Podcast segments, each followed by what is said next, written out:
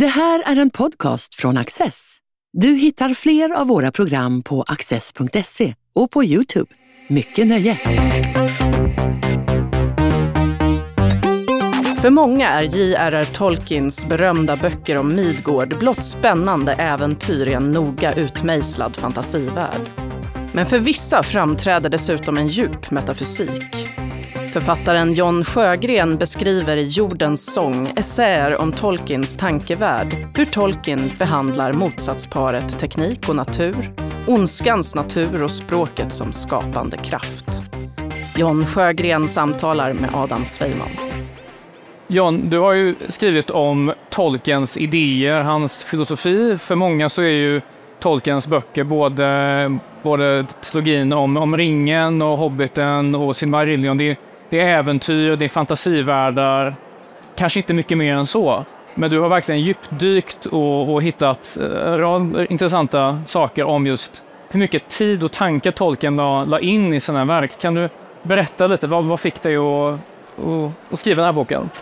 Ja, på ett sätt är det en bok jag har eh, burit med mig jättelänge, för jag är som så många andra eh, läste Tolkien tidigt i livet och jag var 10-11 års åldern och blev direkt väldigt, väldigt drabbad. Eh, och jag upplevde redan då faktiskt att, alltså mina tidigaste minnen av Tolkien, av min tolkenläsning när jag, när jag läste honom i 10-11 års åldern, det är inte så mycket läsningen, utan det var att efter läsningen så gick jag och ett par kompisar som läste samtidigt ut och lekte Tolkien. Eh, Eh, uppväxt i en sån här liten villa-idyll utanför eh, Linköping med, med små dungar och sådär. Och då kunde liksom en liten dunge kunde bli till Fangorns skog eller liksom en regndränkt eh, fotbollsplan kunde förvandlas till Döda träsken. Och det som jag upplevde där, så jag kanske inte kunde sätta ord på det riktigt då, men det var att när vi gjorde det där och lekte sådär och liksom förvandlade vår villaidyll till, till Tolkiens värld, att vi gjorde inte våld på verkligheten, utan vi trängde djupare in i verkligheten. Alltså, så en av mina första liksom, upplevelser av Tolkien är verkligen det här att nej, men det här säger någonting om hur verkligheten är funtad. Och på ett sätt eh, är det mer verklig än själva verkligheten. Och eh, det där har jag burit med mig den känslan också sen när jag återvänt till Tolkien. Och det, man, det jag försöker göra i den här boken kan man säga är att på något sätt att försöka förstå den initiala känslan. Alltså vad är det då som de här berättelserna och den här världen och den här mytologin han skapar säger om verkligheten? Eh, så det är väl liksom min ingång i det här, att försöka egentligen förstå min första egna läsupplevelse av att det här var så verkligt. För Tolkien använder sig av eh, arketypiska hjälteresor, karaktärer som på något sätt kan, kan spåras till, till nordisk mytologi, till, till kristen mytologi. Det är liksom det, det plockepinn. Och Tolkien var ju själv, han var väl katolik.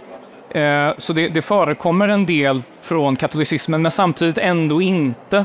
Så hur, hur, hur medveten tror du han var när han, han ställde upp exempelvis Eh, han, han definierar ondska exempelvis inte som någonting separat från godhet utan förvriden, förvriden godhet eller ett mörker som har liksom, är förvridet ljus. Ja. Så hur, hur, mycket, hur tror du mycket han tänkte när han la in allt det här, de här mytologierna i, i sina verk? Ja, alltså läser man hans brev och så, uh, som jag utgår mycket från i, i boken, uh, citerar mycket från breven och uh, även en essä han själv skrev som var ett föredrag från början som, som heter On Fairy Stories, alltså om sagor.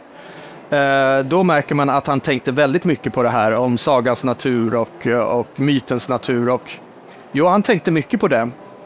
Eh, och han var väldigt medveten om vad han gjorde, är jag helt övertygad om. Sen är det ju precis som du säger att han drar från olika källor. Han var ju, alltså det mest grundläggande om man ska förstå hans tankevärld och, och de filosofiska motiven bakom det, hans kristna tro, det var att han var djupt troende katolik.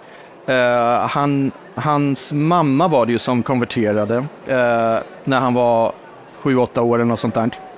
Så han övertog liksom sin mammas tro och det där. Sen dog hans mamma eh, när han var i, jag tror 11-årsåldern. Så det där blev liksom något personligt väldigt viktigt för honom att bära vidare eh, sin mammas tro då.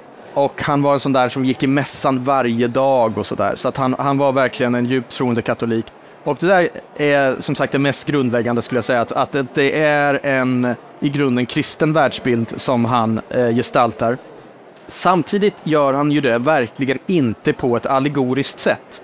På ett eh, det, det, kan tyckas för många, alltså, alltså som ett förvånande uttalande som han skriver i, i ett av breven att eh, The Lord of the Rings, alltså Sagan om ringen, eh, är i, är i grunden ett religiöst och katolskt verk. Eh, men så lägger han till, och just därför har jag tagit bort alla religiösa element ur berättelsen. Eh, för han avskydde som sagt allegorier. Eh, som C.S. Lewis ägnar sig åt. Precis, han var ju väldigt god vän med C.S. Lewis.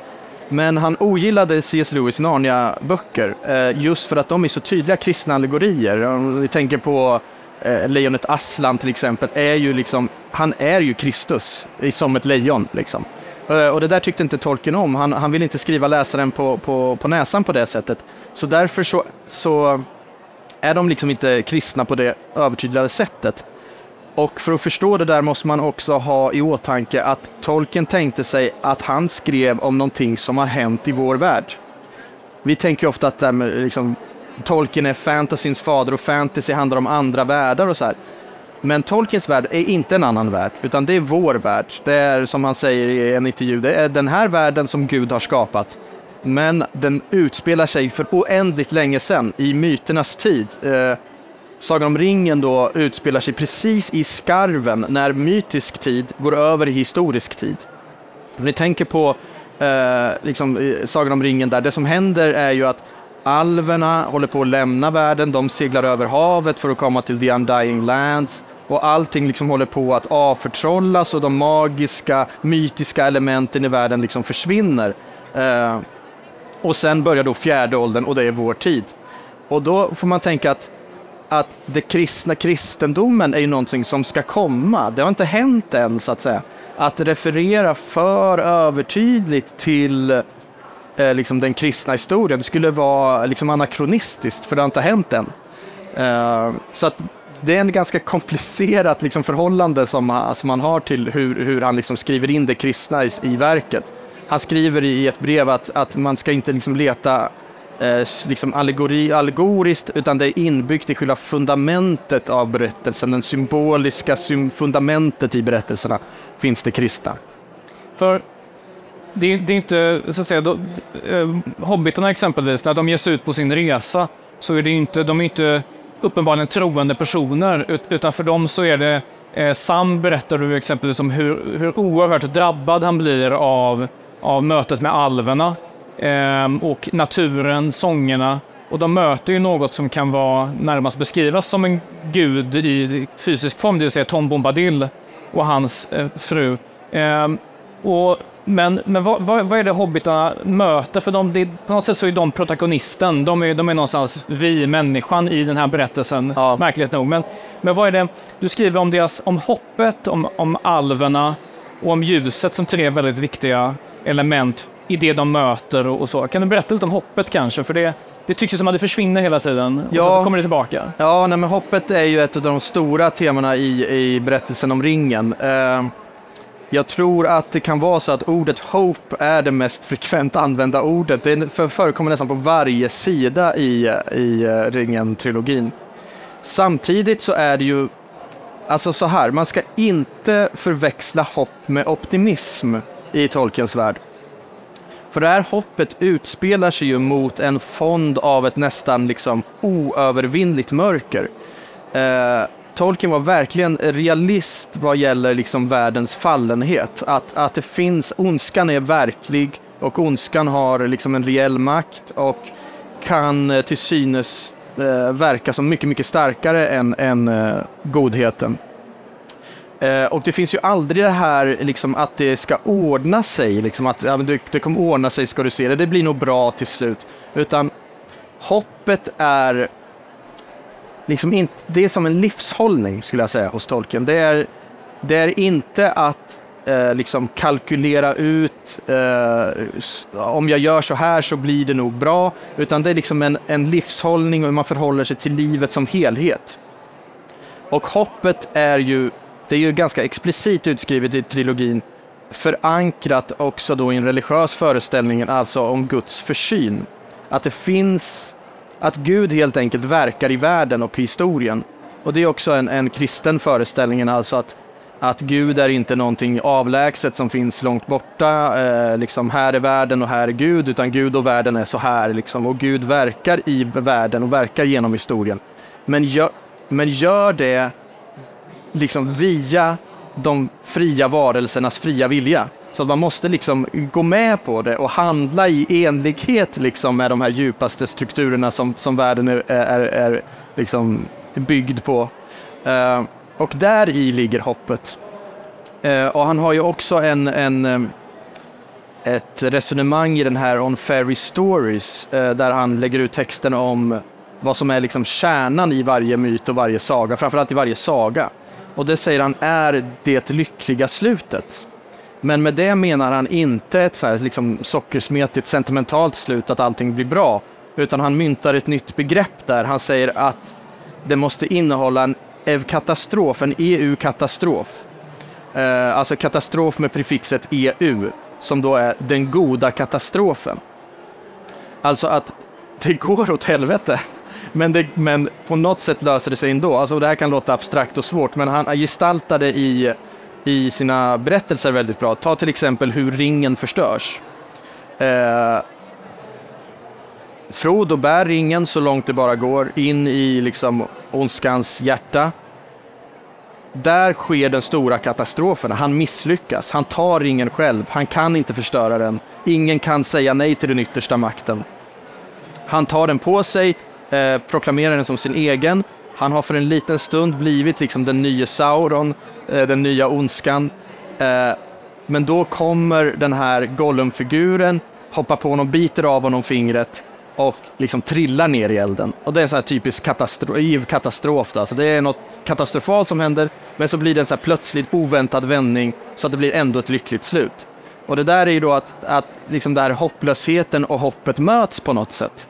Eh, och jag menar att det är också mycket det som gör eh, de här böckerna till så starka upplevelser, läsupplevelser, att det är det här det är aldrig det ena eller det andra, utan det är liksom hopp och hopplöshet och för, liksom glädje och förtvivlan möts i läsaren och, och det blir det här katastrofiska eh, som är väldigt starkt. Då. Att, att det raderar inte att, att det, det onda, det går liksom, det går åt skogen samtidigt som det går bra. Liksom. Och det där är grundat då i hans tanke om Guds försyn. Och då sen kan man gå tillbaka och se, så här, aha, men hur kommer det sig att Gollum var där överhuvudtaget? Jo, det är ju för att allra först var det Bilbo som visade honom barmhärtighet och inte dödade honom första gången de träffades. Och sen är det Sam som visar honom barmhärtighet. Han har också eh, chansen att döda honom och har liksom eh, svärdet mot hans hals liksom. Och sen är det, ja, men är det Frodo och sen är det till slut Sam som har samma. Så det där är liksom okej okay, att visa barmhärtighet, visa kärlek. Om, när du gör det, då samverkar du med Guds försyn och då kan den här mirakulösa katastrofen komma till stånd. Liksom. Men tror du det har att göra också med att, alltså, för tolken så är som jag sa tidigare, så är ju mörkret är det förvridna ljuset och ja. även Gollum har ju varit, han var ju Schmigol och eh, orcherna är förvridna alver. Det finns hela tiden den här... Innebär det att, att i tolkens värld att det, det, finns ett, ett korn av godhet kvar där eller att det finns en plan? Vad, vad tror du? Ja, jo men precis. Eh, eh, ett av de längsta essäerna, längsta kapitlen i boken handlar om ondskan och det är väl egentligen det liksom, mest centrala temat. Och precis som du säger så anknyter ju Tolkien där till en lång tradition i den teologiska filosofiska traditionen som förstår det onda inte som någonting i sig självt utan en brist i det goda. Eh, privatio boni pratar Augustinus om och från, från Augustinus och framåt så har det där liksom varit en röd tråd i teologins historia att man, eh, man förstår det onda på det sättet. Och eh, tittar man på tolken så ser man ju väldigt tydligt att, att han har den bilden, alltså att ah, det, det onda kan inte skapa någonting av sig självt, utan allt som är ont är förvridna versioner av någonting gott. Om man tar de här orkerna till exempel, de var från början alver som, som har plågats och förvridits och blivit onda. Eh, de här eh, ringvålnaderna, de är ju som eh, de var människor från början men nu är de liksom vandrande tomhet. Det är liksom ingenting bakom deras höljen. Eh, och som du säger, den här Smigol, eller Gollum då, han var från början Smigol som var en typ av eh, hobbit egentligen. Men som då förvrids och liksom blir eh, ond liksom. Så det onda är ingenting i sig självt. Och det är ju också en hoppfull tanke. det är, där i grundar han också hoppet. Alltså att eh, det onda är bara parasitärt. Eh, det kan bara parasitera och äta på det som är gott. Så att även om liksom, det onda lyckas och liksom äter upp det goda så kommer det ändå till slut äta upp sig själv. Så att liksom självmordet är, är um, ondskans yttersta slutmål. Och det där gestaltar han också i mytologin, att, att uh, det finns en spindelvarelse som är den här eh, uh, hornmonstrets, eller lockans, uh, ni vet från filmerna, det här stora spindelmonstret. Uh, I mytologin så har det monstret ett mamma som heter Ungoliant som äter ljus och spyr ut mörker. Och det är också sådär, alltså att mörkret är bara liksom en förvridning utav, utav det ljusa. Men det berättas att hon har en så ständig hunger och äter och äter och äter och till slut när det inte finns något mer ljus att äta så äter hon upp sig själv. Och det där är en typisk Tolkiens bild för liksom hur det onda till slut förintar sig självt. Och uh, ringen är ungefär likadant, alltså samma logik. att att, och det där är ju inte alla som förstår då, men att eh, Gandalf och några andra förstår ju det här, att äh, men det enda sättet att förstöra ringen är ju att kasta den i den eld som skapade den. Så att liksom, ondskan måste eh, förinta sig själv, det är det enda sättet. Du har ju ett, ett annat tema du tar upp är ju eh, hur tolken gör någon sorts eh, motsatsförhållande mellan natur och teknik. Alltså, Tolkien själv var ju med om första världskriget. Han, han växte upp i, i ett samhälle som hade industrialiserats. Eh, och det märks ju, han inleder ju böckerna eh, Ringen-trilogin med att ja, med berätta om homerna, deras gemytliga, liksom, så fina, mysiga tillvaro. Och Saruman som är den som har liksom korrumperats, det är tekniken, det är maskinen och så vidare. Och det är ju, det är ju hur mycket naturromantik som helst i de här ja. böckerna. Men kan du förklara varför det är ett så viktigt återkommande tema, tekniken mot naturen? Ja, alltså eh, jag fångar ju upp ett citat från ett av hans brev där egentligen, där han skriver till en läsare att ja, men för mig handlar framförallt trilogin då eh, kanske framför allt om maskinens framväxt. Och det där kan ju också vara förvånande. Okej, maskinen, handlar det om det? Är det inte ondska och godhet? Eh, men precis som du säger så kan man verkligen se den här dikotomin och den här spänningen mellan det maskinella och det naturliga. Och jag tror för att förstå det där så måste man gå ganska långt tillbaka i tiden och, och, och liksom teckna en ganska lång idéhistorisk eh, utveckling. Eh, jag tolkar ju tolken i, i, i, stor utsträckning som en modernitetskritiker. Eh, och för att förstå det där, liksom maskinens utveckling, vad det han menar med att det handlar om maskinens framväxt, så tror jag man måste gå tillbaka ända till liksom 1600-talet och, och liksom det moderna genombrottet och, och ehm, eh, när om man till, liksom det premoderna var ju att man såg världen som levande och besjälad. Eh, sen på 1600-talet när den nya vetenskapen kommer och den nya filosofin som kommer tillsammans med den eh, börjar ju se snarare eh, liksom, naturen som en mekanik. Eh, som någonting mekaniskt liksom. Som vi då också kan påverka och manipulera och utnyttja och så vidare. Eh, naturen blir, går från att vara liksom levande levande besjälad till att bli en naturresurs. Eh, och det där blir ju, det idéhistoriska skiftet blir ju också liksom grunden för eh, hela den industriella revolutionen sen, då, då, då liksom till exempel eh, hela det engelska landskapet var ju liksom innan den industriella revolutionen, liksom, det var skog överallt. Men så högg man ner nästan allting och förvandlade till träkol. Eh, så att liksom hela det moderna Europa och liksom det industriella Europa bygger på, på den här synen på naturen som någonting vi kan utnyttja. Och det där var ju för naturälskaren Tolkien någonting som han verkligen vände sig emot och det han försöker göra mycket är ju att återbesjäla naturen. Och den här, ja men ta de här till exempel änterna då, de här levande träden. Det han försöker åstadkomma där är ju inte så mycket liksom en, någon någonting fantastiskt, liksom att han vill peka på att det här är så här det är i sagornas värld, utan det är så här, så här det är i vår värld. världen lever, världen är besjälad. Eh, så han försöker ju återvända till en liksom premodern eh, världsbild helt enkelt. Men det är också det att alltså, alverna är ju, de är på väg bort. De, de sluter sig inåt, de är i Lorien, de är i, i Riftedal. De, de försvinner över havet och, och det är på något sätt något nostalgiskt och lite tragiskt över det. Att de beskriver, beskriver att de alverna bevarar ju bara allt mindre reservat av magisk skönhet medan världen håller på att bli både antingen tom på människor eller människornas riken eller mörker. Eh, alltså det, han verkar ju oerhört sentimental och också lite, lite deppig. För Ja. att, för att alltså, det fjärde åldern är på väg in.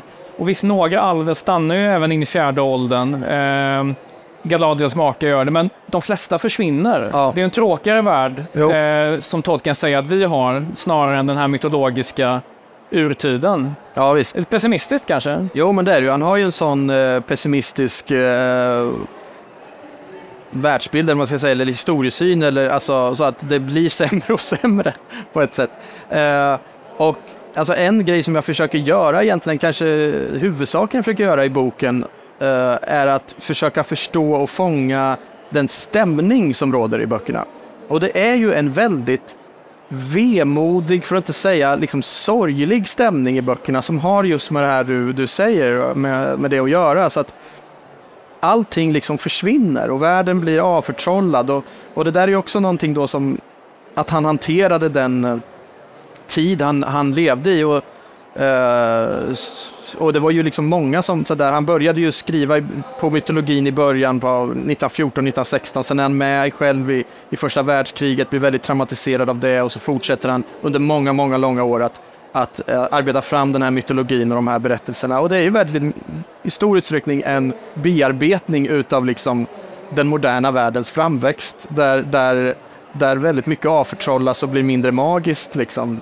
Och han hade ju själv den här djupa katolska tron och så. Och han, han, han, var ju inte riktigt hemma i, i den nya sekulära världen, så kan man ju säga. Och det märker man tydligt när man läser hans brev, där det ibland kan ta liksom ganska komiska uttryck, hans, hans aversion mot, mot liksom det moderna samhället. Det är någon gång i, han skriver i slutet av 60-talet att nu har liksom det absolut värsta hänt. Nu har ett rockband flyttat in på min gata och, och eh, öppnat replokal här. Så att, eh, han, han var ju inte riktigt hemma i den moderna världen, så kan man säga. Nej. Men han kunde ändå se, du skrev en del om språket, alltså det, är- det är mycket sånger, det är dikter, eh, speciellt eh, karaktärer som är liksom när, närmast det gudomliga, de nästan sjunger hela tiden, eller de mest mytologiska karaktärerna. Eh, enterna, de, de sjunger och mumlar och babblar och så vidare. Eh, men även våra, liksom, våra hobbitar sjunger väldigt mycket. Ja. Kan du berätta lite om språket och sången som Ja. ja, men musik är ju och sång och musiket och språket hör ju verkligen ihop i Tolkiens värld. Om man bara säger något kort om, om liksom Hans förhållande till språk var ju väldigt levande. Det var ju hans arbete. Han var ju filolog och det var ju det han jobbade med. Han hade ju en stark, stark kärlek till språk. Och också själva mytologin började i språket. Alltså innan han började skriva några berättelser eller utarbeta några berättelser så utarbetade han språken. Han började med de här alviska språken och, och eh, skriva fram dem och sen ur det så, så föddes berättelserna. Eh, så han var ju en språkälskare. Samtidigt så finns det då i eh, mytologin en väldigt stark koppling till musiken. Alltså världen är i grunden musik för Tolkien. Han har ju då i början på Silmarillion så finns ju den här eh, en skapelseberättelse. Och där blir ju världen till, inte som i eh, liksom den hebreiska judekristna eh, föreställningsvärlden där Gud liksom talar fram världen, Gud säger liksom ljus blir till och så blir det till. Utan här sjunks världen fram, den musiceras fram. Eh, det finns, eh, Gud finns då i den här mytologin, kallas för Eru eller Iluvatar, den ende. Och han skapar från början det som han kallar för sina tankesbarn som är, eh, kallas för Ainur, eh, som är ett slags änglaväsen eller gudaväsen. Några av dem stiger ner i den fysiska världen och blir det som kallas valar. Eh, men så lägger han fram då, de är från början liksom eh, ja, men abstrakta liksom, varelser. Men så lägger han fram dem en eh, teman, musikaliska teman som de får framföra. Eh, och så framför de den här musiken och sen så säger han, ah, nu ska ni få se. Så ger han dem syn. Först har de bara hörsel, så ger han dem syn också. Nu ska ni få se vad, vad ni har musicerat och sjungit fram här. Och det blir då världen, det blir universum, det blir skapelsen. Så skapelsen liksom kommer ur musiken. Och djupast sett är det ju därför det finns så mycket musik i, i berättelserna. Att, att eh, han har en liksom, musikalisk metafysik i botten. Och han kopplar ju mycket till språket också. Om man ser precis som du sa, de här ursprungligaste varelserna, de äldsta varelserna, Tom Bombadil eller eh, eh Trädskägg, Lavskägg, de här enterna de eh, sjunger ofta på ett nästan liksom naivistiskt sätt. Eh, eh liksom ord som ja, men, eh, inte har något riktigt innehåll utan som bara är ren musik. Och det är liksom urspråket, det är den högsta typen av språk. Eh, även om det då finns otroligt utvecklade språk. Kanske inte liksom någon motsättning i det, men, men liksom det allra mest ursprungliga, det är den här nästan naivistiska musikspråket. Liksom. Alltså, efter, att jag läst den här boken så känner jag, jag på något sätt förstår nästan mer varför jag tycker om Tolkiens arbete. Men tror du att man på något sätt, eh, att, att de här verken har berört så många människor på ett så djupt sätt, eh, förutom att det är bra äventyr, det är spännande äventyr och våra liv i någon mån alltid är ett äventyr. Men, men tror du det, att det är de här djupa elementen som, som han placerar ut, som kan tilltala människor i en sekulär tidsålder för att ja, men det talar till någonting djupt inom oss. Behovet av äventyr, eh, godhet, ondska, ljus och så vidare. Alltså det är de eviga teman.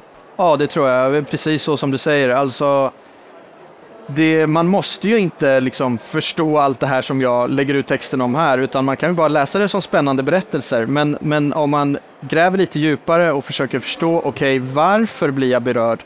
Då tror jag att man kommer till den här hel, hela världsbilden som han gestaltar. Att Eh, och där jag började någonstans, att man känner att det här är ju verkligt på ett djupt plan. Att man känner det och många som jag jag har ju liksom läst Tolkien i många år och haft många samtal och det, nästan alla har någon liknande sån här första upplevelse att det här är så verkligt. Liksom. Uh, och det är inte bara att han är så skicklig på och att han bygger ut den här världen på ett sånt detaljerat sätt, utan jag tror också det har med det här som jag försöker fånga i den här boken, att ja, men det är faktiskt en hel världsbild som, som uh, gestaltas och den slår an någonting i oss. Eh, ja, men de här eviga frågorna om, om ondskan och, och godhet och, och hoppet och eh, som är Ja, och inte minst det att världen lever och den är besjälad. Och det där, jag tror att mycket av hans popularitet ligger i att det där är någonting som vi tilltalar, särskilt kanske i moderniteten, att, att det är något vi kanske behöver höra eller vi blir berörda av det. Tack så mycket John för det här samtalet. Tack själv. Tack för att du kom.